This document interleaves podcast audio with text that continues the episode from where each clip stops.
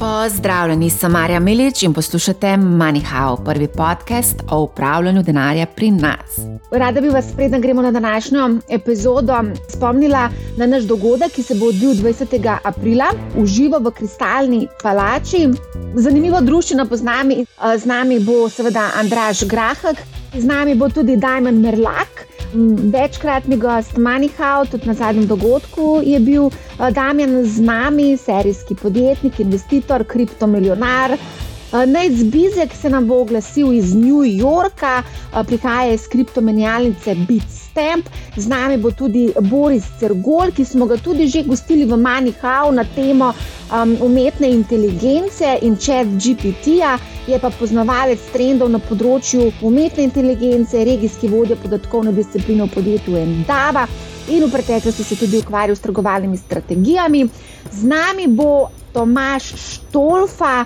Večino življenja je preživel med Silicijo dolino in Berlinom, ustanovil je nekaj uspešnih start-up zgodb, bil je angelski investitor, zbral je več kot 100 milijonov evrov denarja. Z nami bo še Andraž Brili, ocenjevalec vrednosti nepremičnin in partner v Capital Genetics, z nami je bil tudi večkrat na podkastu MoneyHow in pa tudi na zadnjem dogodku.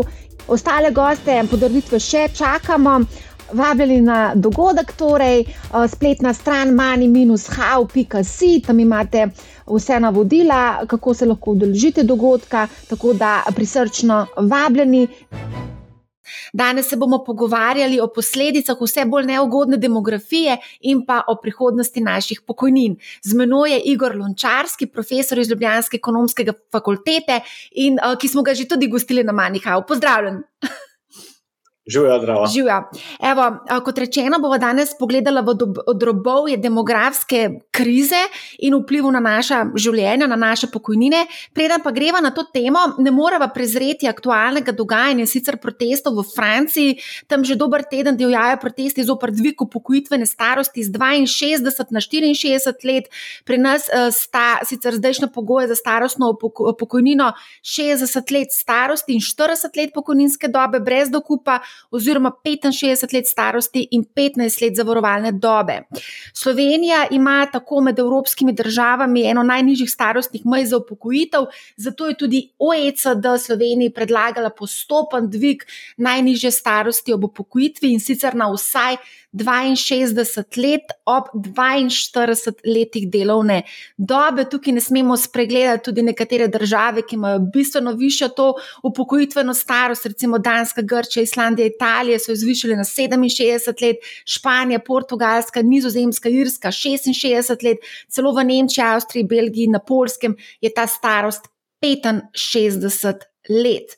Zdaj, vem, da ne komentiraš notranje političnih zadev, ampak vsem pod črto pokojninske reforme so politično vprašanje in tu ne gre za najbolj priljubljen politični ukrep, če lahko rečem. Recimo v Franciji Macron nima dovolj podpore v parlamentu, da bi spravil v bistvu ta zakon k življenju, zato je zaobšel parlament s sklicevanjem, to je nek njihov poseben nek zakon, tretji odstavek 49. člena ustave, ki je bil prav zasnovan za namenom preprečitve zakonodajne paralize. Um, pri nas vlada ima večino v parlamentu, takšen zakon načeloma bi lahko speljala, vendar se naša uh, vlada trenutno ukvarja z drugimi težavami, recimo komunikacijskimi šumi. Tako da, ja, predlagam, da najprej pogledamo, kje trenutno demografsko smo, pa kakšne so recimo napovedi. Vsa zahodna Evropa, več ali manj, uh, se stara. Ne? Zdaj, različ, države se različno starajo. Recimo, neka Nemčija ne, se bistveno hitreje stara kot recimo Francija. Se pravi, če gledaš razmerje med, bom rekel, mladimi, nekje lahko bi tri kohorte gledali, se pravi, nekako tiste, ki so mladi, pa niso še delovno aktivni, potem tu populacijo, recimo od 24 let do 65, 60, ki je delovno aktivna, in potem uh, starejšo populacijo, ki je upokojena. Ne. Tukaj je malo razlik med uh, zahodnoevropskimi državami, pa generalno gledano imamo vsi podoben uh, izziv. Se pravi, demografski uh, prehod pred vrsto let ne, povzroči seveda tudi z razvojem, ne, uh, gospodarskim, ne, povzroči tudi to, da imajo uh, družine če dalje manj otrok. Uh, to pomeni, da ljudje tudi daljše živ, da, dalj časa živimo, po drugi strani, kar pomeni, da je priliv otrok manjši, hkrati se življenjsko pričakovanje povečuje in se ta razmerje v bistvu družbeno med bom rekel, odvisnimi posamezniki v družbi, to so tisti, ki so recimo upokojeni, pa tisti, ki so še mladi, pa neaktivni, in tistimi, ki jih podpirajo, se pravi, delovno aktivni poslabšuje. Ne. Seveda, tukaj, zdaj, glede teh, bom rekel, odvisnosti, so tudi različni, bom rekel, sistemi v različnih državah, ne, ki so pač pogojeni, bom rekel, zgodovinsko, institucionalno, kulturno. Ne, tako da države se na nek način ko si prej omenila, kako so v bistvu zakonodaje glede upokojevanja različna, tudi na različen način nekoliko soočajo uh, s temi izzivi. Ja, zdaj, ko omenjaš uh, vse te izzive teh različnih držav, ne, nekje sem zasedila podatek, pa ne vem, mogoče ti bolj veš. Recimo Italija ima kar zelo, zelo velik problem in čez nekaj desetletij ne, na, na, napoveduje celo, da se bo število prebivalcev prepolovilo v Italiji. Zdaj, moja specializacija, da se ukvarjam z demografijo, ne sem finančni ekonomist, uh, drugi moji kolegi se ukvarjajo s temi projekcijami ne, in jih uh, bolj podrobno poznajo. Ne. Ampak ja, pravzaprav ta prehod, ne, oziroma staranje projekcije, ki jih dela Evropska komisija za vse te države, ne, so nekoliko različne. Seveda, to sem tudi omenil, primer. Recimo Francija ima delež mlajšega prebivalstva bistveno višji kot Nemčija. Se pravi, v tej piramidi starostne strukture je nekoliko v drugačnem položaju. Ne ampak uh, splošno gledano ima pa podobne izzive. Zdaj, to, kar sem imel glede Italije, ja, pač uh, verjetno bo držalo, ne? se pravi, brez kakršnega koli ukrepa, če bi gledali samo naravni prerast uh, prebivalstva. Ne? Verjetno v nekem obdobju, ne vem, pa dobro, zdaj verjetno govorimo o 50 letih, govorimo malo več, ne, bi lahko prišlo do, do tega scenarija, ki si ga omenila, se pravi, prepolovitve prebivalstva. Zato tudi pravim, da se države nekako različno s tem eh, spopadajo. Nekatere zagovarjajo potem tudi politiko tega, da se pač, bom rekel, izobražene delovno silo uvaža. Ne? To pomeni, da se to nadomešča. Recimo Nemčija je imela zelo tak, pa še vedno ima tak pristop, ki ga pač tam posebej pač poudarja oziroma zagovarja gospodarstvo. Ne? Ker Nemčija je tudi za razliko recimo od Francije ali kakšne druge evropske države, ne, recimo, bolj industrializirana, se pravi, delež uh, proizvodnih dejavnosti v, v bruto domačem proizvodu je tam večji. Ne, in oni se na drug način imajo še dodatne izzive glede tega, če to želijo ne, ustvariti. Je pa tako, ne, da verjetno tudi ta zeleni prehod bo tudi povzročil. Z vidika, bom rekel, zgoraj, pristop od zgoraj na vzdolj, to, kar nam pač Evropska komisija nekako zapoveduje, ne, sicer konsens, ne bi bil, ne, konsens v smislu, da pač se države se strinjajo, ne, da bo tudi zaradi tega zelenega prehoda verjeten del delovnih mest v, v proizvodnih dejavnostih se zmanjšal. Ne. Ker te seveda, kaj delajo podjetja? Podjetja potem v bistvu uh, predstavljajo proizvodno v druge države, kjer pa teh omejitev v prihodnje glede proizvodne in zelenega prehoda ne pričakujejo. Tako da tudi to je en vidik, ki je mogoče novejši moment, zato, zato to podarjam, ne, ki bo tudi nekoliko spremenil pač to logiko uh, teh demografskih uh, gibanj v smislu, kaj države morajo storiti za to, da Eh, se s tem soočajo. V bistvu je zelo vse med seboj povezano, celotna trg dela, zdravstvo, pokojnine, vse med seboj so se zelo prepleta. Ne? Ampak dobro, mi da bomo danes imeli fokus na uh, pokojninski uh, blagajni. Uh, naša vlada je ravno pred parimi dnevi, ko so se v Ljubljani odvijali, mislim, da že tretji protest upokojencev, je objavila, da naš pokojninski sistem stane 7 milijard evrov letno, 5,5 zberemo s prispevki v pokojninsko blagajno, razliko torej 1,5 milijard evrov se pa financira iz proračuna.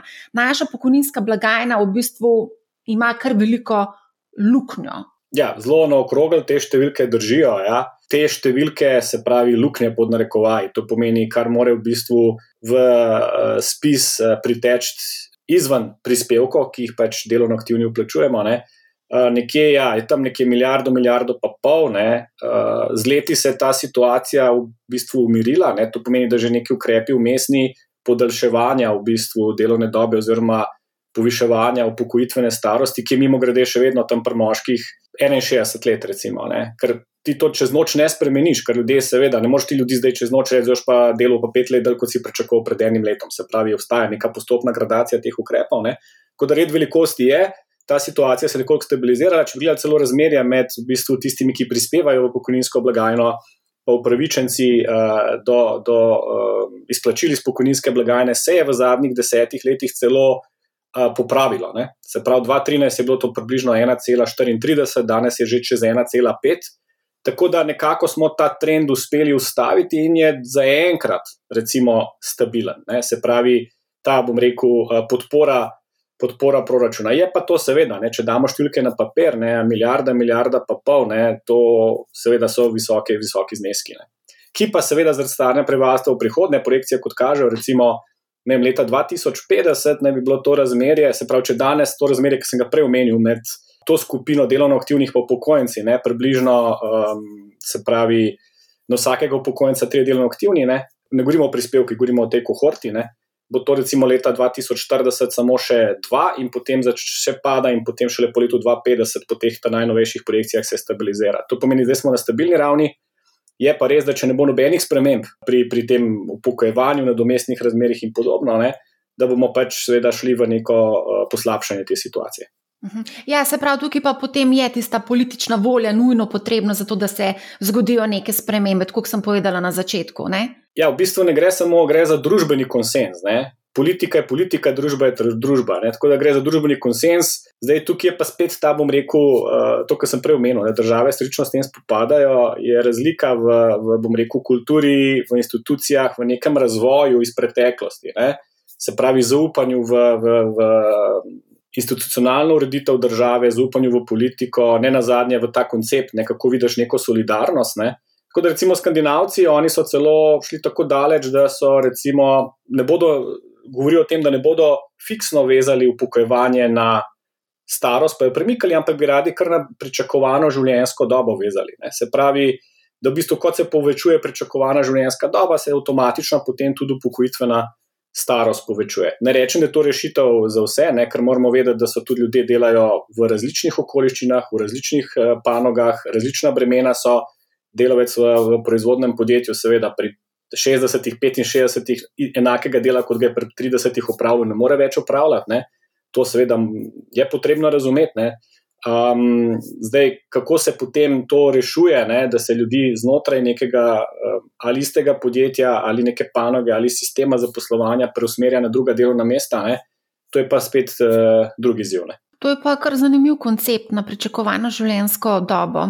Moram priznati, da. Ja, švedi so o tem že govorili pred leti, nisem šel preverjati, ali so potem to uveljavili. Zato, ker vsi imajo enak izziv. Vsakič znova je potrebno se spogajati na za spremembo, bom rekel, te upokojitvene starosti. Ne. Potem so razmišljali, okay, zdaj, zakaj bi se vedno znova spogali, da imamo to na neko objektivno mero. Uh, vezati in je potem vsem jasno, kaj to pomeni. Ne. A mogoče, glede na to, da Slovenija prihaja iz enega drugega sistema, ker smo nekako živeli ali pa bili vzgajani v duhu, vse bo država poskrbela za nas, ne, a to se je nekako že dal na stran in vse nekako Slovenci začenjamo zavedati, da bomo mogli pa sami poskrbeti za to. Ja, zdaj prehajamo že na področje, kjer se sprašujemo o ureditvi pokojninskih sistemov. Ne? Se pravi, mi smo prišli pred X leti, ne? se pravi po osamosvitvi, zdaj že tega kar nekaj let, ne? več kot 30 let. Ne? Prišli iz sistema, kjer v bistvu uh, zasebna pobuda, ne? se pravi v smislu kapitalskega trga, ni bilo vrčevanja za starost, na način, da bi vrčeval v nekih finančnih instrumentih, ni bilo, ne, pač v redu, brez so banke, lahko si imel depozit, ljudje so imeli ne, nepremičnine in tako naprej. Ne. Ampak ideja je bila, da v bistvu v redu plačuješ prispevke in ko se upokojiš, v bistvu ti država potem uh, plačuje neko odmerjeno. Pokojnino. Zdaj, druge države, ne Evropske unije, se pravi, če gledamo ne vzhod, ampak zahod, ne, so že predtem, ne pravzaprav nek kapitalski sistem Dobro, mi smo že tako kapitalske trge, ampak tudi kapitalski sistem vrčevanja za starost. Se pravi, da si imel neke pokojninske sklade, da si pravzaprav ne samo pravi, znotraj drugega stebra, delodajalci uh, imeli scheme, ne? potem je bil še tretji stebr uh, individualno, prostovoljno vrčevanje za starost. Da, tam so bile prvič možnosti že predtem in zavedanje ljudi pred tem ne, vzpostavljene. Ne. Tretji stvar pa je, ne, eno je možnost, druga je zavedanje, tretje je pa zmožnost, ne možnost, zmožnost. Ali sploh lahko, glede na, bom rekel, premožensko stanje, ki ga imaš, vrčuje za starost. Ne. Tako da to je pa druga zgodba, ne, se pravi porazdelitev, bom rekel, dohodkovna enakost, ne enakost, če želiš, ne pred in po predistribuciji. Ne. Gospodinstvo, ali so sploh zmožni, in koliko gospodinstvo sploh lahko vrčuje za starost. Ne. Velja pa pač matematika časovne vrednosti denarja. Ne? Prej, ko začneš vrčevati, ne? manj moraš dajati na stran, zato da ob upokojitvi prideš na enak znesek. Ne? Tako da vsekakor se, um, ne samo moja generacija, predvsem mlajši, pa ne, more, moramo ali morajo zavedati, da bo potrebno ali da je potrebno že če zgodaj vrčevati za starost, nekaj na stran dajati. Ne? In se ne zanašati, da bo država uspela rešiti vse težave. Ko se pogovarjam z mladimi, to imaš tudi zelo veliko priložnosti študenti debatirati. Ne? Za njih je ta zelo oddaljen cilj pokojnina na 60 plus ja, let. Tako, to, so zdaj, uh, to so pa zdaj vedenske pristranskosti, ne pa čustva, ki vplivajo na naše odločanje v razmerah negotovosti. Ne. Se pravi, zato sem tudi rekel, zmožnosti in možnosti. Ne. Pri mladih, seveda, ne, vse smo si bili uh, mlajši, ne, ne bom rekel, sem že star, sem bil mlajši kot sem zdaj, ne, pa vemo, kako je s tem. Ne. Se pravi, ja, najprej uh, nekako rečejo, ne, štalca, polje kravca ne, in tako naprej. Skratka, potrebe presegajo seveda tiste zmožnosti. Tudi finančni sistem je ne na zadnje tako narejen, da ti v bistvu omogoča, se pravi, zadolževanje. Zadolževanje za nepremičnino, za potrošniške kredite in tako naprej. Ne. Se pravi, da na začetku delovne dobe nekako ti prihodni dohodek že uh, koristiš, ne. nečasovna alokacija potrošnje. Ne. In zdaj bi v tisti zgodbi moral nekje najti še prostor, da bi vsak mesec dal nekaj na stran ne, za pokojnino. Ne. In tega mislim, da se ljudje, kljub temu, da mogoče mislijo, da niso zmožni tega, da je dobro, da se vseeno nekako prisilijo v to in vseeno reče, ok, toliko damo na stran, pa pozabimo na to, da damo v nek ustrezen vrčevalni produkt. Ne? Uh, pa, pa ne razmišljamo preveč uh, o tem, kaj, kako in zakaj. Ne? Ja, dokler ne dobiš iz spiska in si zgrožen in ugotoviš, da uh, ne opravljajo dobro delo uh, nekateri upravljalci premoženja. Dobro, to je potem debata za pol. De, a lahko mogoče samo to je pogosto slišimo, pač dosti krat pokojninske blagajne primerjajo s ponzi schemam, se pravi, splačila funkcionira na sistemu uplačil, tukaj vidimo, da je potrebno še nekaj ekstra dodati zraven, zato da sploh funkcionira sistem. Kako bi ti kot ekonomist komentiral to? Mislim, jaz, reči, jaz ne bi rekel, to je ponci schema, ne? to je pač princip solidarnosti. Ne? Zdaj, če gremo gledati sto let nazaj, ne, se pravi, z, z vsemi industrijskimi revolucijami, ne, je bilo treba tudi nekako družbene pogodbe, družbeno ureditev nekako spremeniti. Ne. Ljudje so pred leti pač bili kmetje, ne, bil je tam nek posestnik, so obdelovali zemljo, ne, pa so pač bili tlačani kako koli že. Potem je bilo treba, seveda, z industrijskimi revolucijami, ne, prvo, drugo in tako naprej, vzpostaviti seveda tovarne. Ne? In zdaj, kako ljudi spraviš v tovarno, ne, pač v redu, ne, neke pravice jim daš, ne, uh, osamosvojiš jih pač od nekega tega odnosa. Ne? Uh, in zdaj na začetku ljudje tudi niso dolg časa živeli. Življenjska pričakovana življenjska starost je bila, ne vem, 50 let, mogoče 60 največ. To pomeni, da če si ti dolg časa delal, pač nisi kaj dost tem, potem še živel, ne, da bi užival uh, sadove svojega dela. Plus ljudje so bili, seveda, družine so skupaj živele. Ne? Ni bilo te, bom rekel, oske družinske celice, ampak so bile velike družine, ki so pač iz tega agrarnega ne, vidika ne, uh, življenja prešle v, v industrijski. Ne. Zdaj, zakaj to omenjam? Ker potem naslednji korak je bil, ne, seveda, da ti to podporo znotraj družine pač nekako ločiš, tako da vzpostaviš nek uh, pokojninski sistem. Ne. In tukaj je ta dokladni pay as you go, če želiš, zero pillar, ničelni stebr, pokojninski sistem nastal. Ne. Se pravi, da neko socialno varnost zagotavlja potem tudi v obdobju po upokojitvi, oziroma znotraj tega, če se karkoli zgodi, se ne vem, zaposleni poškoduje trajno in tako naprej. Se pravi, da se je to ločilo. V Aziji, recimo do, do nedavnega, pa še vedno velja kulturno, pač mladi skrbijo za stare, tam pokojninskih sistemov. Kot da jaz ne bi rekel, to ponci schema je pač nek sistem um, solidarnosti, ki pa seveda temelji na logiki, ne, da bi se mogla starostna struktura ne, ostajati nespremenjena. Ne. Pač tisti, ki za tabo pride, pač tebe podpira, ki si šel ven iz sistema. Ne. Se pravzaprav je to samo implicitna ali pa eksplicitna, recimo, ne, če bi res gledal, razvezava podpore družine na pač eh, družbeno, da daš družbi, pač eh, pa posamezniku to orodje za podporo um, preživetja v starosti v roke. Ne. Seveda, potem pride demografske spremembe. Ne. Je pa res, da te demografske spremembe tudi za sabo potegnejo določene druge posledice, oziroma imajo. Ne. Se pravi, govorimo, ne, kolega sam je govoril o demografskih dividendah. Ne ko ljudje vrčujejo za starost, seveda v starosti potem trošijo, ker trošijo, pač to vpliva na gospodarsko rast. Ne. Se pravi, staranje samo, odvisno kako ga financiramo, ne, ni nujno slaba okoliščina. Ne.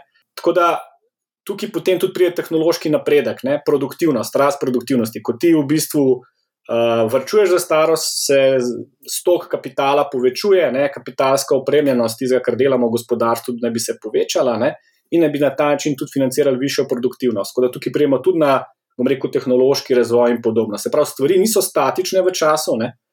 Ja, to pomeni, eno je, da se spremenja demografska struktura, kar poslabšuje, seveda, prijemo nazaj na to, da ljudje vidijo to kot ponci schemo, plačujejo, pa ne bodo nič iz tega imeli. Potem enostavno lahko to označiš kot plačilo davka. Okay, ni to pred moj, moje vrčevanje za starost v, v, v spisu, ampak to je pač davek, lahko tako gledaš. Drugo je pa seveda, uh, da se pač s tem tudi prihaja do nekega tehnološkega napredka in vsaka taka stvar zahteva potem seveda tudi na novo definicijo neke družbene pogodbe. Ne? Se pravi, koliko dobi delo od tistega svojega inputa, koliko pač more pa kapital, bom rekel, prispevati v, v, v to družbeno pogodbo od tistega, kar zasluži. In ta razmerja so se spremenjala, se spremenjajo v času. Ne? In uh, zato vsi govorijo o tem, da je treba na novo redefinirati ta, ta, ta razmerja. Ne? Zato govorimo tudi o davčnih spremembah, koliko je nekaj obdavčeno in podobno. Ne? Da se je zelo veliko zanimivih stvari povedal, pa bi mogoče samo za začetek to azijsko zgodbo, ko se je rekel, da v bistvu tam ni pokojnin, da, v bistvu svoje, da otroci v bistvu financirajo življenje, jesen življenja svojim staršem. Ne. Vse konc koncev. Tudi mi že financiramo jesen življenja našim staršem, ker pač recimo, ko grejo v dom, moramo mi doplačevati otroci svojim staršem, ker pač enostavno so pokojnine tako nizke. Zdaj, če pogledamo samo pokojnino, Po zagotovljena pokojnina s polno pokojninsko dobo iz januarja je 688 evrov, se pravi, po 40 letih uh, dela imaš zagotovljeno z januarjem 688. V luči 10-odstotne inflacije bi rekel, da je zelo težko živeti s tako pokojnino.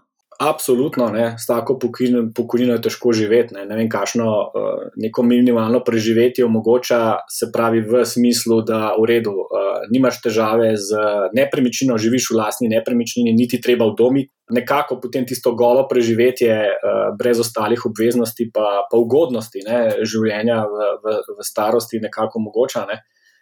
Ne omogoča pa kaj več kot to. Ne. Se pravi, res mehna. Za veliko ljudi je pravzaprav to, to res resen izziv. Je pa tako, te pokojnine so pač temeljijo, ne spis pač odmeri pokojnino na podlagi nekih prispevkov, uplačenih v preteklosti. Ne. In tukaj so potem, seveda, ko ti uplačuješ vem, 30 let v neko blagajno, ne, to pomeni, da pravzaprav neka nizka pokojnina pomeni tudi, da je tudi uplačila tista v preteklosti in plača je bila verjetno tudi takrat nizka. Ne. Vezano na to, ne. zdaj, ok, če bi želeli plačevati ljudem več kot to, potem bi mogli nekako upeljati koncept državnih pokojnin, kjer bi bila minimalna državna pokojnina kot nek temeljni dohodek, recimo za starost, ne, določena. Ne. To je pa spet zdaj druga zgodba. Ne. Se pravi, moramo razumeti, spis temelji na uplačenih prispevkih, plus obstajajo neke izjemne kategorije, ne, ki so, pustimo zdaj, sem rekel, to so neke te politične diskusije, kdo je upravičen do česa, kdo ni. Ne.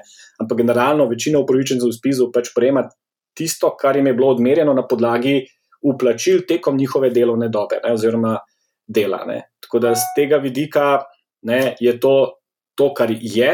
To pomeni tudi, da ker imamo uh, kompresijo, pomeni, da tudi uh, vem, najvišja pokojnina je tudi pač omejena na vzgore. Ne. Torej, veliko krat ljudje, ki so imeli pa uh, visoke dohodke, ker nimamo uh, te socialne kapice, ne, je pa potem kapica pri upravičenih. Ne. In uh, pač tak sistem imamo, tak sistem smo podedovali, da tako rečem. Ne? In zdaj je, seveda, kot rečeno, ni to stvar politične volje, ampak družbenega konsenza, da bi ta sistem spremenili. Um, še posebej, če gledamo medgeneracijsko. Ne? Ene generacije so zdaj tam, kjer so, druge šele prihajamo v to, bom rekel, upokojevanje bomo prišli čez 20 let, ne? eni so še zadej. Tako da bomo tudi, tudi v različnih okoliščinah. Ne, ne govorim samo za Slovenijo, govorim globalno gledano. Ne. Ja, jaz se s tem kar strinjam. Zelo veliko stvari se spremenja, tudi če zdaj gledamo trenutno aktualno dogajanje. Veliko je nekih novitet, ki lahko zelo vplivajo na vse. Um, mogoče tukaj bi samo omenila, da če koga zanima, kakšna bo njihova pokojnina, gre lahko na spis in si preko splošnega informativnega pokojninskega kalkulatorja tudi izračuna. Tako da to zdaj obstaja ta kalkulator, ampak ali bo to res potem tudi tako, bomo pa potem videli. Sam, jaz sem tako rekel, če si relativno blizu uh, tistega datuma upokojitve, ne, par let, ti bo verjetno kar držalo. Ne, in tudi, jaz sem tudi šel zase pogledati, ne, primerjati, ne, in ljudje potem tam lahko vidijo, aha, ne, pač po različnih kriterijih, ne, kako se upokojiš, ali se ti splača še tiste dodatne dve leti, ali kako koli, da bi drug kriterij spolno delati, ali ne, ne ali boš raj dve leti prejšel v pokoj, pa prejmo pokojnino, kljub temu, da nekoliko nižja. Ne. Tako da ne vem, no, se mi zdi, da je doskrat, odvisno od okoliščin, se odloča, da gre raj prej v pokoj, ne, pa nekoliko nižjo pokojnino prejmejo, zaradi tega, ker izpolnijo pač en izmed dveh kriterijev. Ne kot pa da bi uh, ustrajali. Ne. Ja, se to je v bistvu še kar precej zanimivo, no? kako ko se pogovarjamo z upokojenci. Uh, njihov cilj je čim prejšnja upokojitev, oziroma s temi, ki izpolnjujejo vsaj enega od teh kriterijev. Čim prej se želimo upokojiti in potem početi kaj v življenju, kaj počneš potem v pokoju še nadaljnih 20, mogoče celo 30 let. Ker so zelo mladi, nekateri upokojujejo. Ne? Tako da tistih 20 let ja, ne, se da še kaj izkoristiti, saj smo lahko še delovno aktivni oziroma še nekaj ustvarjamo. Ne? Sej za veliko ljudi mislim, da je tako, da se pravzaprav, recimo, zdaj govorimo o urbanem prebivalstvu, ne, ne o ruralnem, ne, ker imajo ponovadi še pač nek vidik obdelovanja zemlje in podobno, ne okoli hiše. Eh, da se upokojijo, potem pa nekako po pogodbi mogoče še nekaj delajo pač pri prejšnjem, eh, zadnjem delodajalcu. Ne. Seveda so potem tudi drugi vidiki, govorimo o tej družinski celici, ne se pravi, ne vem, vnuki, vnukinje, um, druge stvari, univerza za tretje življenjsko obdobje ne, uh, in tako naprej. Um, je pa, da se vrnem na, na prejšnje, ne, um, nimamo, vsaj kot jaz vidim, pri večini ljudi, ki poznam, da se upokojujejo, pa so se pred kratkim upokojevali, ne, nimamo dobrih mehanizmov, da bi ljudje izpregli. To pomeni, da ljudem omogočaš, da pač nekoliko dalj časa še delajo, ampak delajo nekaj drugega. Ne. Se pravi, to strukturo tistega, kar upravljajo. So veliko, veliko ljudi že naveličanih, nasičenih, mogoče ne, jim dal kakšno drugo stvar um, za delati. Ne. ne vem, mogoče tudi drugače vezal v podjetju uh, te stvari, ne vem, glede mentoriranja mlajših. Ne. Ker vsem pravijo, ja, stari ljudje, pa kaj bomo z njimi. Ne, ni res, ne. stari ljudje imajo veliko izkušenj. Ja, znanje je drugačno, ampak izkušnje so pa tudi pomembne, ni vse samo v znanju. Da, zdaj, če gledam svojo življenjsko pot, vem, da si mlad, ne, si misliš, da zdaj pa jaz vem veliko. Ampak izkušnje te potem naučijo, ne, da včasih eh, se mora zavedati, da ni dobro biti eh, pretirano samozavesten pri kakšnih stvareh. Ne. Vem, da smo izkustvena bitja, učimo se na lastnih napakah, ampak tukaj bi lahko tudi eh, izkoristili drugače bom rekel, eh, ljudi, ki so tik pred upokojitvijo, pa bi mogli nekako razmišljati bolj praktično, ne, kot v nekih državah tudi to počnejo, spet bom rekel Skandinavija, ne, uh, severne, severnoevropske države, ker potem te ljudi na drug način angažirajo pri njihovem delu in na ta način tudi omogočajo, potem, da so tudi sami zainteresirani. Da dalj časa ostanejo v zaposlitvi, kot pa da na polno obremenjeni pod stresom, ne do zadnjega v bistvu ustrajajo. Potem pa seveda se želijo čim prej upokojiti. Ja, veliko krat se tako hecamo, da, da bomo kar direkt šli službe na žale. Vsaj, glede na to, kaj se trenutno dogaja. A gremo mogoče pogledati uh, odmerna stopnja za izračun pokojnine? Tukaj so neke napovedi, da, ne bi se to povečevalo. Trenutno je 63,5 odstotka ob 40-letni pokojninski dobi. Zdaj, če čisto enostavno, če imaš ti neto poprečno plačo. Uh, pač v tem obdobju 1000 evrov, to pomeni, da boš po 40 letih delovne dobe dobo 630, oziroma za nek minimum zajamčen 688 pač od januarja dalje.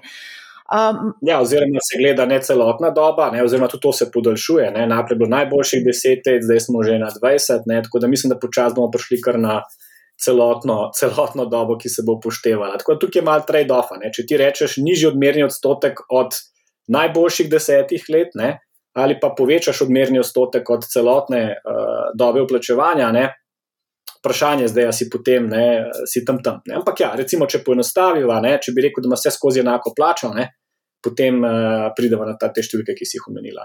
Zdaj, marsikdo bi pa rekel, da je mogoče tudi to nepošteno. Zato, da ti dobiš 1000 evrov, ti vsak mesec plačaš v pokojninsko blagajno 350 evrov iz in na bruto plačo poleg seveda drugih prispevkov, katerih zdaj nabova. Zdaj, dober upravljalec premoženja bi ta denar dolgoročno seveda plemenitil in ga potem seveda tudi bistveno več na koncu dobil teh 350 evrov investiranih v pokojninsko blagajno, ki gre zdaj direkt uh, upokojencem.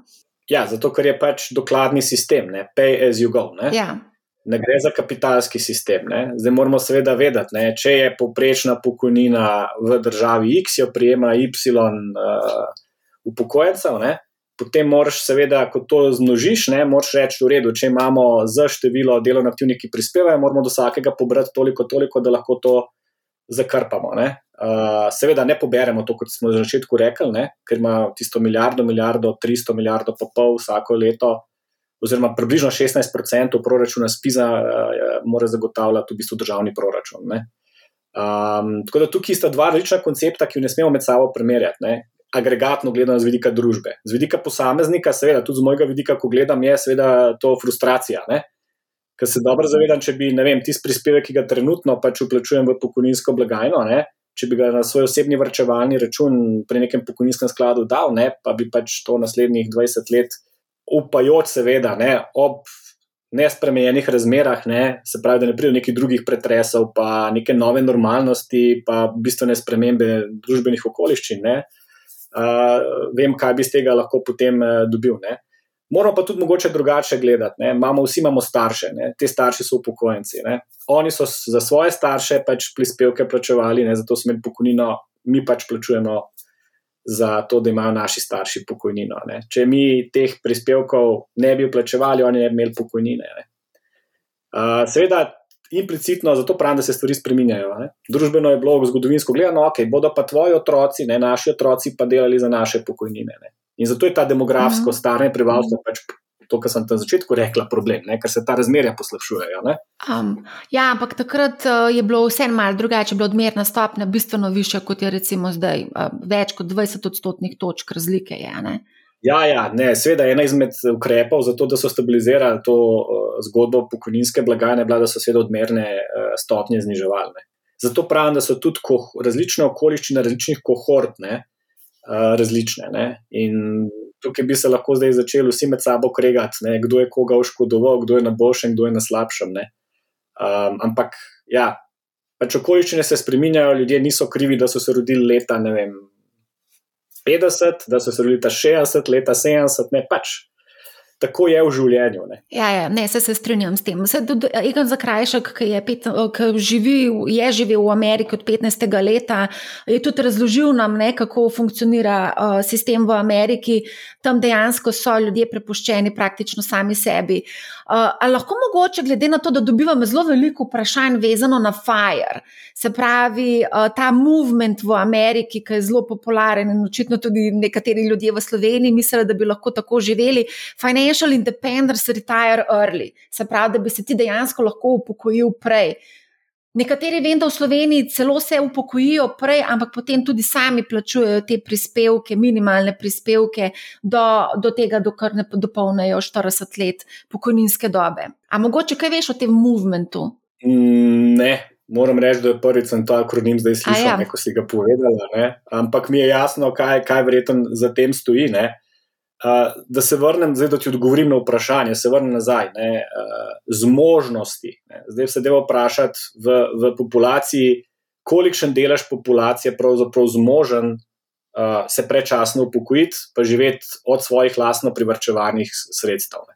Mislim, da je odvisen, kakšne imaš potrebe. Reči, če bi bil zelo skromen, verjetno bo tega več, ne, ampak jaz mislim, da to je tako, da to je res uh, ena stvar, ki ni nekako splošno razširjena v populaciji. Mislim, da to je saj jaz bi rekel, po občutku rezervirano za rekel, nek, nek sloj ljudi, ki oni tako nimajo, bom rekel, dobro, imajo neko minimalno uh, neko pokojnino, ne, ampak uh, rezervirano za sloj ljudi v ZDA, ki je pač finančno neodvisen. Ne. Zdaj pa, če gledamo njihovo strukturo dohodkovno pogledati, ne, je pa tisti delež, ki pa je dejansko uh, finančno omejen ali pa odvisen, bistveno večji. Ne. Tako da to je po mojem, ne vem, zelo, zelo omejen nabor ljudi. Jaz ne bi rekel, da to za široke množice velja. Ja, mogoče bolj za to mladi, veliko krat v bistvu fantazirajo o tem, da bi mogoče se pa prej upokojili, pa bi pa počeli tisto, kar želijo v življenju početi na, na ta način razmišljati. Ja, veš, to je včasih se mi zdi, da če gledaš ta družbena omrežja, pa to, ne, da imamo zelo izjemno pristranskost. Ne, potem, mogoče mladi so sploh bolj temu nagnjeni. Ker na družbenih omrežjih se samo lepe stvari kažejo. Ne? Samo dobre stvari. Ampak življenje ni tako, ne? življenje je drugačno. Ne? Tako da niso, zdaj, če vidiš ta ne, ja, to ni 80% populacije, ki si lahko to prvoš. To je mogoče, ne vem, na prste ene roke odstotki bi preštel, pa verjetno še manj. Ne?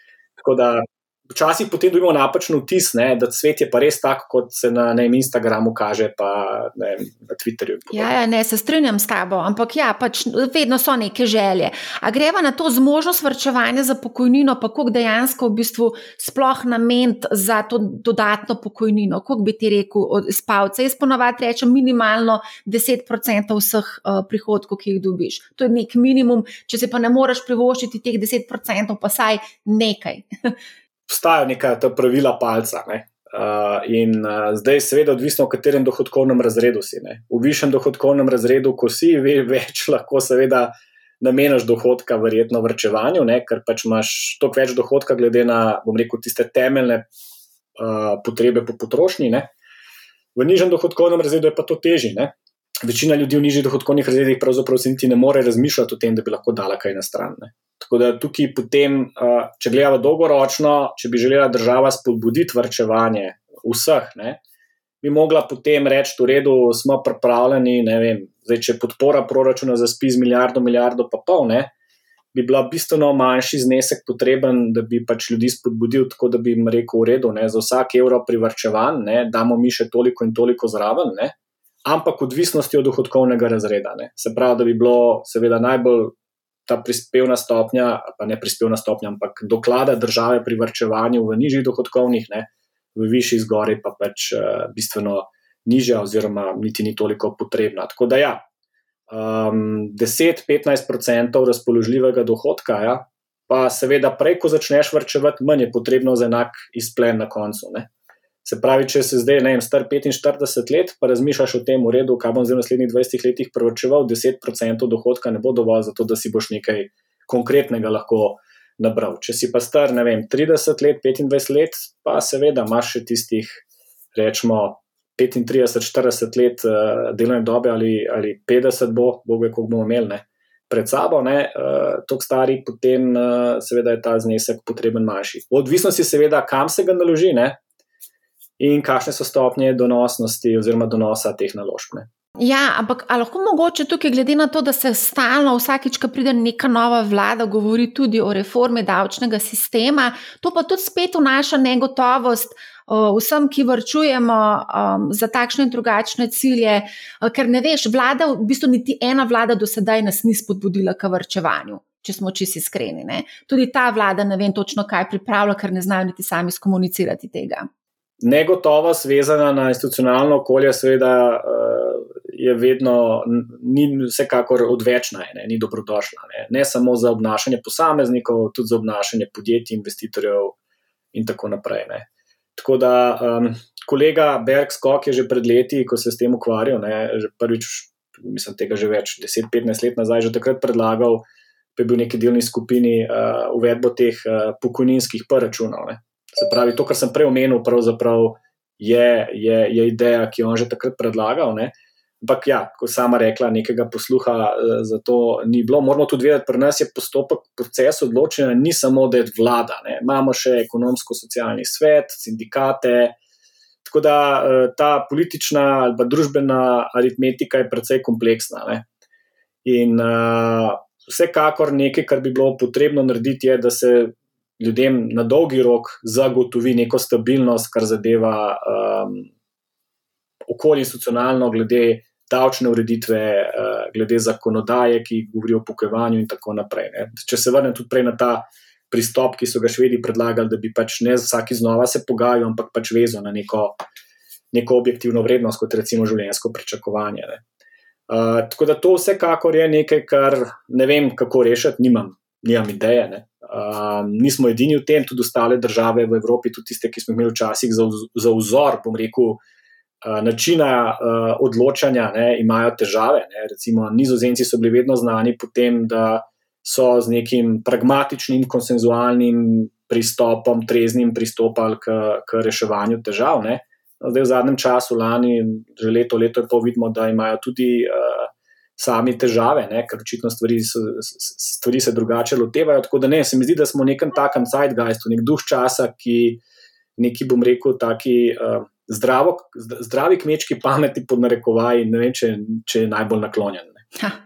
Ja, to je zelo lepo povedal. Ampak ja, živimo v teh časih in mi moramo razmišljati, uh, glede na to, da hočemo poskrbeti za svojo varnost na stara leta, na jesen življenja in ne želimo biti odvisni od vsakokratne vlade, moramo nekaj narediti. Zdaj v Ameriki obstaja cel kup nekih pravil, palca, koliko denarja moraš imeti privrčevanga do um, recimo 60, 70 let, zato da boš lahko lepo živel na jesen življenja.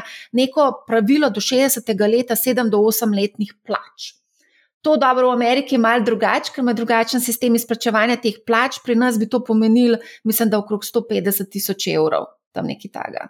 Ja, zdaj se pravi, lahko mogoče zdaj tako. Uh, agresivno bi mogli predpostaviti, da mogoče nekaj denarja bomo vseeno dobili iz nič, ničlega stebra. Ja. Se pravi, če je to tako, potem rečeš v redu, koliko je pa tista razlika, ne? Eh, ki bi jo mogel imeti še na stran privrčevano za neko, bom rekel, varno, varno starost. Ne. Drugi ekstrem je, da rečeš, v redu, iz tega ne bo nič, ne. potem pa rečeš, v redu, koliko rabim, da bom pa sam ne, v celoti. Ne. To so zdaj spet ideje, kaj bi bilo, če bi bilo. Uh, tako da, odvisno zdaj od okoliščin posameznika, ja, da rečeš, v redu, ne, moramo tudi vedeti, ne, da ti pač rento uh, rabaš, ne, potrebuješ, ko se upokojiš, ne da likvidiraš naenkrat celoten znesek vrčevanja. Ne? Tako da, ja, za neko, neko recimo, da nadomestiš polovico izpada dohodka, ne? Ne? se pravi, da dobiš 50% pokojnine, da je zadnja plača, pa tistih 50% še ta uh, dohodek, verjetno potem smo na redu velikosti, ki si ga, ki si ga omenila. Ne? Se pravi, ne vem, če bi se pri 65 letih upokojil, pa za 20 let, ne? bi potem za to podporo ne, uh, potreboval potem nek tak znesek, da bi um, po, po poprečni plači govorila. Po poprečni. Uh, ja. Pa da vzdržuješ ta standard, ki ga imaš ob upokojitvi. Ja. Ja, kako bo pa prišla do teh 150 tisoč evrov? Se pravi, rekli smo 10 do 15 odstotkov eh, od, od, od, od vsak mesec na stran. Eh, kam, kam dati? Eh, pri nas na Manihau vedno poudarjamo, pač, da investiranje, investiranje ni v bistvu neka znanstvena fantastika, ki bi jo bilo ne mogoče usvojiti, ne?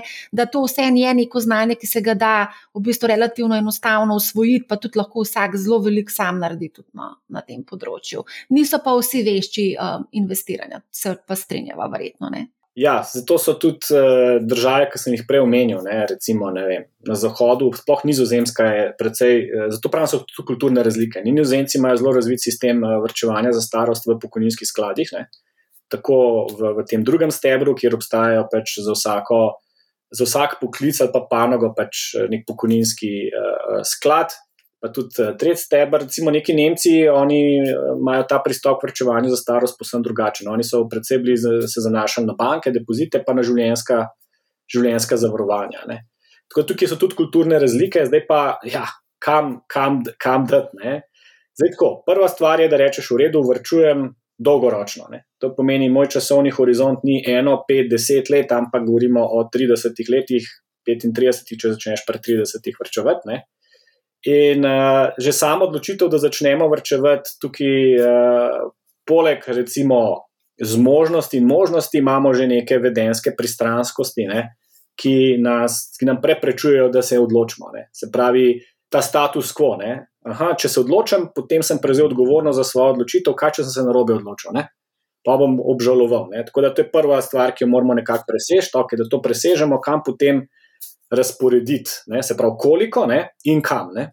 In tukaj spet imamo vedenske pristranskosti, čustva, ki vplivajo na to. Ne. Tako da nekako, eh, bom rekel, recept pod narekovaj je, ne, da oziroma prvi stebr upravljanja premoženja je vedno razpršitev tveganja. Ne. Ja, to pomeni ne posamezne naložbe, ampak v, v nek, eh, neko premoženje, ki je relativno dobro razpršeno. Govorimo, seveda, predvsem ne, na začetku, eh, v mlajših letih, večji delež tega v delnicah. Ne.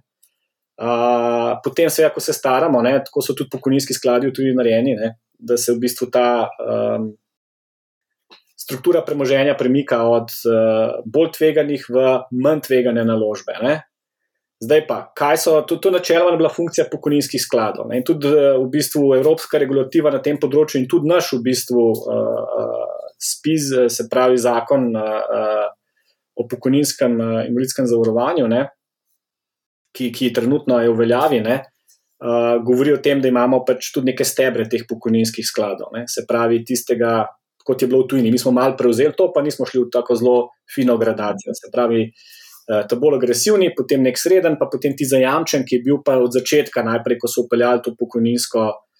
Vrčevanje ne uveljavi. Ne. Tako da temu smo se poskušali malo zakonodajalec že prilagoditi, ne, in tudi uh, pokojninski skladi, ne, Zdaj, so to zavarovalnice ali vzemni skladi, pustimo, ne, to je pač neka specifika pri nas, glede regulacije, ne, ampak ideja je ista. Ne.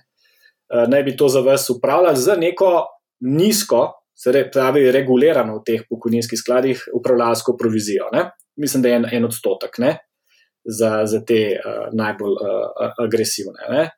Uh, zdaj, seveda, lahko se odločite, da to ni pokojninski sklad. Ne? Prednost pokojninskega sklada je trenutno tudi v tem, da imate iz naslova tega davčno olajšavo.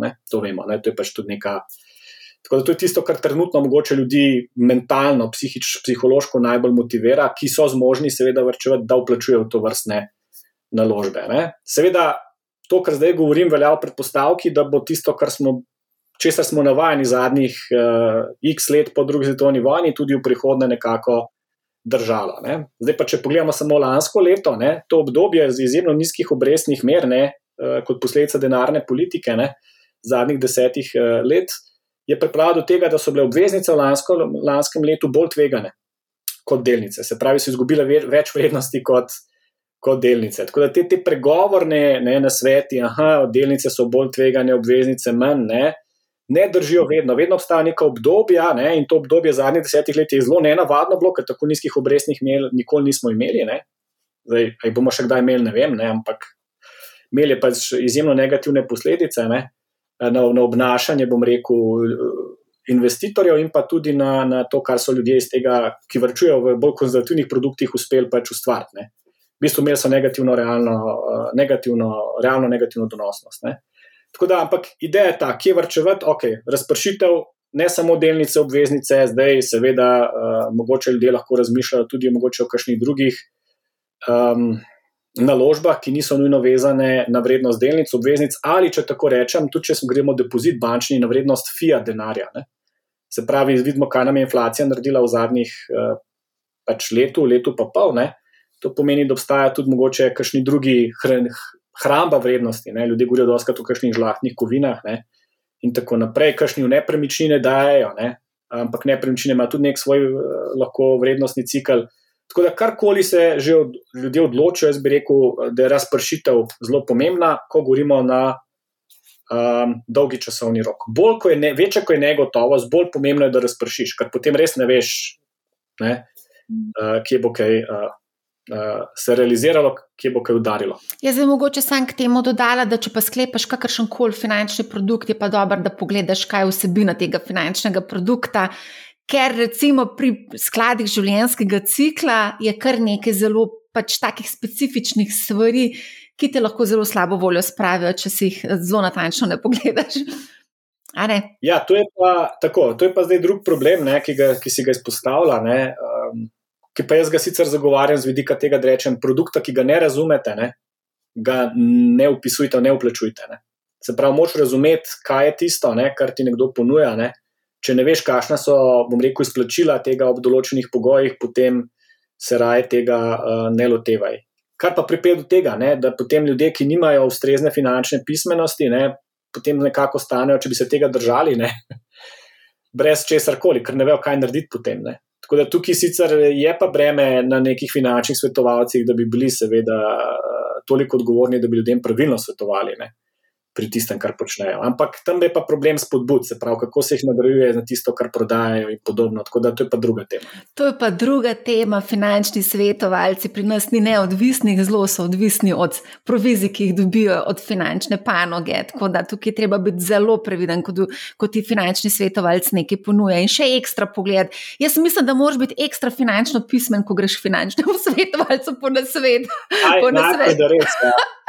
Najbrž, da je. E, a lahko mogoče bova, bom jaz to en enkrat ekstra naredila prav posebej o finančnih teh produktih, prav za pokojninske sklade, to sem res v nulo naštudirala, tako da bi pa tebe mogoče zdaj izkoristila za vprašanje, zdaj si kar nekaj tvegan uh, že omenil, uh, pa mogoče bi šla na to malo bolj aktualno zadevo, geopolitična trenja, to zdaj trenutno, mislim, lahko zelo vpliva na naše življenje, vidimo, da se formirata dva pola, menda, da ta azijsko oziroma uh, trgi v razvoju nekako želijo formirati svojo valuto, smo zdaj videli, um, in se dogaja ta spopad, vzhod, zahod, razviti, nerazviti. Tako da to zna biti zelo, zelo, zelo pomembno vprašanje za naše prihranke v prihodnosti.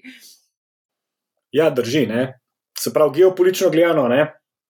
smo bili navajeni zdaj zadnjih toliko in toliko let živeti v nekem popacu tistega pač berlinskega zidu, pa razpadu Sovjetske zveze. Ne? So imeli občutek, da zdaj smo pa iz nekega bipolarnega sveta, ne, kjer si imel zahodni in vzhodni blok, ne, prišli v nek eh, multipolarni svet, kjer se bodo pa stvari bolj racionalno dogovarjale in podobno. Ne, in nekaj časa je to. Vsaj tako na vzven delovalo, ne, se pravi, fokus je bil na, na integraciji, mednarodni trgovini, pač če sodelujemo, imamo vsi koristi od tega, ne pa če tekmujemo, ne, bla, bla. Ne. No, seveda, eh, stvari so se uh, zdaj zapletle, uh, tako kot so vse, ne? in v resnici to zdaj, da bi rekel, da, da smo zelo presenečeni na tem, z vidika tega, kar sem prej povedal, ekonomskega razvoja, niti ne, ne? ker ti si pač, seveda, imel si um, Zahod, ekonomsko razvit. Potem je, seveda, Sovjetska zveza, ko je razpadla, Rusija je tukaj prišla, pač si je mogla nekako te rane uh, nekako uh, polizati, ne? in seveda zaradi splošnega uspona uh, gospodarskega Kitajske in tako izjemnega apetita po, po surovinah, ne? zaradi tega izjemnega razvoja globalnega, ne? so tiste države, ki imajo surovine, seveda prosperirale. Med njimi tudi, seveda, Rusija, ki se je gospodarsko v tem obdobju, seveda, potem zaradi tega tudi okrepila. Ne? Tako da imamo seveda zdaj Zahod, Rusija, Kitajska, ne smemo pozabiti tudi na ostale azijske države, ne na zadnje tudi na Indijo. Ne? Indija je po velikosti prebivalstva zdaj prehitela Kitajsko. Ne? Tako da um, ta, ne, če rečemo, ne, da zdaj pa nismo več v multipolarnem, da bomo v bipolarnem svetu, mislim, da ne drži. Še vedno smo v multipolarnem svetu, kjer se te interesi niso, po mojem, nikoli niti bili toliko prični, koliko se je zelo kažejo skozi to politiko, eh, neki ekonomski interesi. Ne? Se pravi, kitajske, glede na uh, Rusijo, napetosti kitajske uh, napram ZDA in podobno. Ne? Tako da um, to seveda lahko generalno, zdaj, če gledamo finančni, finančni sistem, ne, vpliva pravzaprav na to, kar sem že prej omenil. Ne. Ali bodo stvari v prihodnje, ali smo še vedno v isti porazdelitveni uh, funkciji. Se pravi, ali so stvari tudi v prihodnje, se bodo donosnosti, gibanje cen, delnic, vrednosti, premoženja, delovanje trga obnašalo enako kot v preteklosti. Ne. Tako da to je eno izmed tveganj. Se pravi, Uh, vidimo samo, kaj je vem, recimo izbruh uh, uh, koronavirusa ne, uh, naredil ne, um, globalno ne, s temi, bom rekel, zaprti in kaj se zgodi, ko se globalno gospodarstvo ustavi, ko se dobavne verige ustavijo. Um, tako da vse te disrupcije, se pravi, ta, lahko, do katerih pride tudi zaradi vojen in ta vojna lahko seveda eskalira. Ne, Uh, lahko peljejo, seveda, v, ali pa bodo vodile v novo razdelitev nekih kart, in tudi v, če gledamo, panoge, ne, v različno, bi rekel, uh, položaj različnih panog. In to se lahko čez noč spremeni. Ne. In tukaj ne vemo, pravzaprav, dobro, kaj se bo zgodilo. Kdo reče, da ve, jaz mislim, da ne ve. Lahko pač samo neke nasvete prodaja. Ne, ne vem pa, koliko lahko tukaj karkoli tehnega povemo. Ne. Težko. Če pa bo do kakšnih takih zelo velikih konfliktov prišlo, pa mislim, da bo ta zadnja skrb, kaj bo z našimi delnicami. Mislim, takrat bo. Ja, takrat, ko, ko je izbruhnil koronavirus, je dejansko res se zgodil ta strmi upad, recimo temu 35% upad na delniškem trgu, in potem je bila strma rastna vzgor, tako da smo imeli zelo tak hiter upadec in uspon. Ja, ja, ti si bila posledica potem spet ukrepov centralnih bank. Ne? Uh, tako da tukaj zdaj, po mojem mnenju, to, kar, kar je pač posledica te, teh uh, ukrepov centralnih bank zadnjih desetih let, kvantitativnega lajšanja in emitiranja, bom rekel, uh, tolikih zneskov pod narekovaj, se pravi denarja v sistem, ne, se ne na zadnje more tudi kazati nekje potem v manjši vrednosti tega denarja, se pravi, višji inflacije. Ne? In pa predvsem v nekih izjemno porušenih razmerjih med finančnim sistemom, finančnimi trgi in realnim gospodarstvom. Um, vem, da se ti mudi, ampak bi te rada samo še vprašala, glede na to, da smo zdaj omenjali disrupcijo, vse možne novitete, omenil se tudi zeleni prehod. To je nekaj, kar bomo zelo veliko fokusa imeli na to v prihodnosti. Spremenil se bo način dela, govori se o štiridnevnem delovniku. A se še reče štiridnevni delovnik? Delovni teden, štiridnevni delovni ja? teden. Potem govoriva o umetni inteligenci, o robotizaciji, naj bi celo davke plačevali roboti. Tak je bil predlog enega našega državnega sekretarja. Tako da je kar velik nekih zadev, ki se bo zgodilo v prihodnosti. Mogoče lahko še to na hitro pokomentirava. Ja, se strinjam. To je tudi izjemna disrupcija. Ne? Zaenkrat je še ta razvoj umetne inteligence nereguliran. Ne? Sej pred prejšnjim tednom je bilo tudi neko odprto pismo, ki ga je celo Elon Musk ne? podpisal, kljub temu, da je pač investitor v OpenAI. Ne? Da je bilo potrebno, potrebno zdaj to malo ustaviti, pa videti pač neka pravila igre določiti. Ne? Zdaj pa tako, vsaka recimo, revolucija tehnološka, ne, seveda na novo premeša karte. In tukaj pravzaprav bo vsekakor do tega prišlo. Ne. Prva stvar je, da bo veliko poklicev, um, ki danes, prav veliko uh, dela, ki ga danes opravljajo ljudje, postalo v bistvu, ga bo lahko nadomestili bomo z uporabo umetne inteligence. Se pravi, treba razmišljati, kaj s tem ljudmi potem narediti. Ne. Um, druga stvar je, seveda, potem, um, to, kar si menila, ne, koga zdaj obdavčiti. Če ljudje manj delajo, ne, eh, pa stroji več delajo, zdaj kdo ima v lasti te stroje, kdo ima v lasti to umetno inteligenco, se pravi kapital. Ne. In zdaj tukaj se vrnemo pa na to zgodbo, lahko, ki ni nova, ne. ta zgodba je stara. ZDA, če pogledamo, ZDA, pa se vrnem prej na poglabljanje svetovne trgovine. Ne. ZDA so veliko število podjetij, ne, se pravi, ne ZDA, ampak podjetja sama so proizvodno, pravzaprav uh, offshoring naredimo. Se, se pravi, so prenesla v države, ne samo ZDA, tudi v Evropi, kjer je v bistvu bila proizvodnja cenejša, manjša, tudi bolj blaga, mogoče neko regulativa z vidika pravic delavcev, okoljevarstvenih eh, zahtev in podobno. Ne? Kaj se ti potem zgodi? Ne? Te ljudje, ki so prej delali v teh podjetjih, ne, v bistvu nimajo. Zdaj več, recimo, izgubijo službe, nimajo dohodka. Ne? Ali morajo najti novo službo, če ne najdejo nove službe, nimajo dohodka. Se pravi, naš sistem temelji na potrošnji. Če ti nimaš potrošnikov, kaj ti pomaga, če nekaj proizvajaš, če nimaš komu prodati. Ne? Zdaj, seveda, agregatno uh, gledano, to ni problem, če ti na nekem tujem trgu najdeš potrošnike. Pač ljudje doma ne bodo trošili, bodo pa nekje drugje. Ne? Tako da ta disrupcija, kar hočem povedati, je, da mora upoštevati tudi skrajševanje delovnika in tako naprej, ne? da še vedno ti rabiš ljudi. Da bodo nekaj potrošili, da boš ti lahko te storitve, proizvode prodajal. Če ostane sistem tako, kot je. Če pa govorimo o novi redefiniciji družbenega sistema, se ne na zadnje, ljudje so včasih delali 15 ur na dan, 12 ur na dan, 6 dni na teden. Ne? Danes govorimo o tem, da bomo celo 4 dni na, na teden delali po 8 ur. Ja? Ampak uh, to ne, ne prije z tega, da bomo zdaj pa nekje druge prihranili, ker bomo ljudi manj plačali. Ne? Še vedno rabiš potrošnika, ne? še vedno rabiš, bom rekel, uh, zadovoljnega volilca.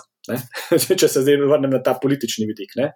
Tako da ta disrupcija bo zahtevala novo definicijo teh družbenih odnosov. Ne. Kdo kaj financira, koliko kdo prispeva v neke uh, javne storitve, če imamo državo, ki zagotavlja velik obseg javnih storitev in podobno. Ne.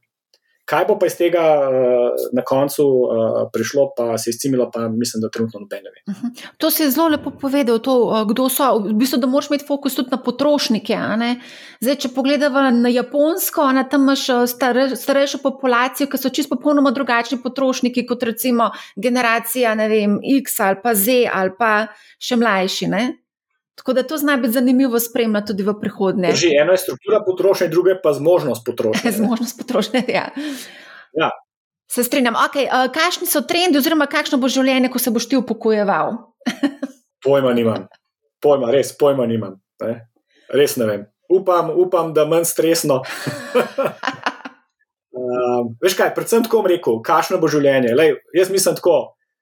Najbolj, največ, za kar smo lahko hvaležni, je seveda zdravje. Veš, Ker potem pa ostale stvari. Ne? Ker zdaj, če si bolan, pa imaš tudi ostale probleme. Uh, v smislu, veš, vse, ja, bolezen je eno, nisi zasrečen, tudi biti bolan danes je lahko tudi drago, ne? seveda. Ne? to je druga tema, ne, seveda, zdravstvenih uh, storitev. Ne.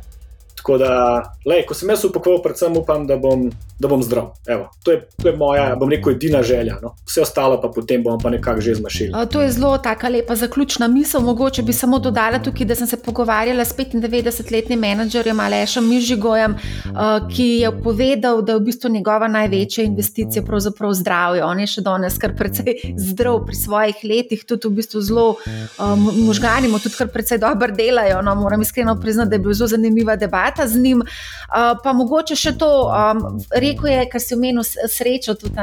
Rekel je, uh, to je tudi ena tako lepa misel njegova, da je bil vedno po malem srečen. Tako da celo življenje je bil ja. po malem srečen, tako da zdravje in sreča. Ja, ne veš, kaj je kura, kaj je jajc. Ne? Mislim, da srečen človek je zdrav človek, po drugi strani pa tudi zdrav človek srečen. Tako da ne veš, kaj je prej. Ne? Ampak je boje predvsej povezano. Super. Um, najlepša hvala, Igor, za debato. Mislim, da smo kar nekaj zanimivih tem odprli. O tej temi bomo definitivno še uh, govorili na Manihau. Tako da iskrena hvala, da si bil danes gost. Z veseljem, hvala za povabilo, pa še kdaj. Dragi poslušalci in gledalci, poslušali ste Manihau. Ne pozabite, Manihau um, je z vami tudi 20. aprila. Eh, v živo eh, v Kristalni palači. Skratka, poslušajte Manihau, ne bo vam žal in lep pozdrav.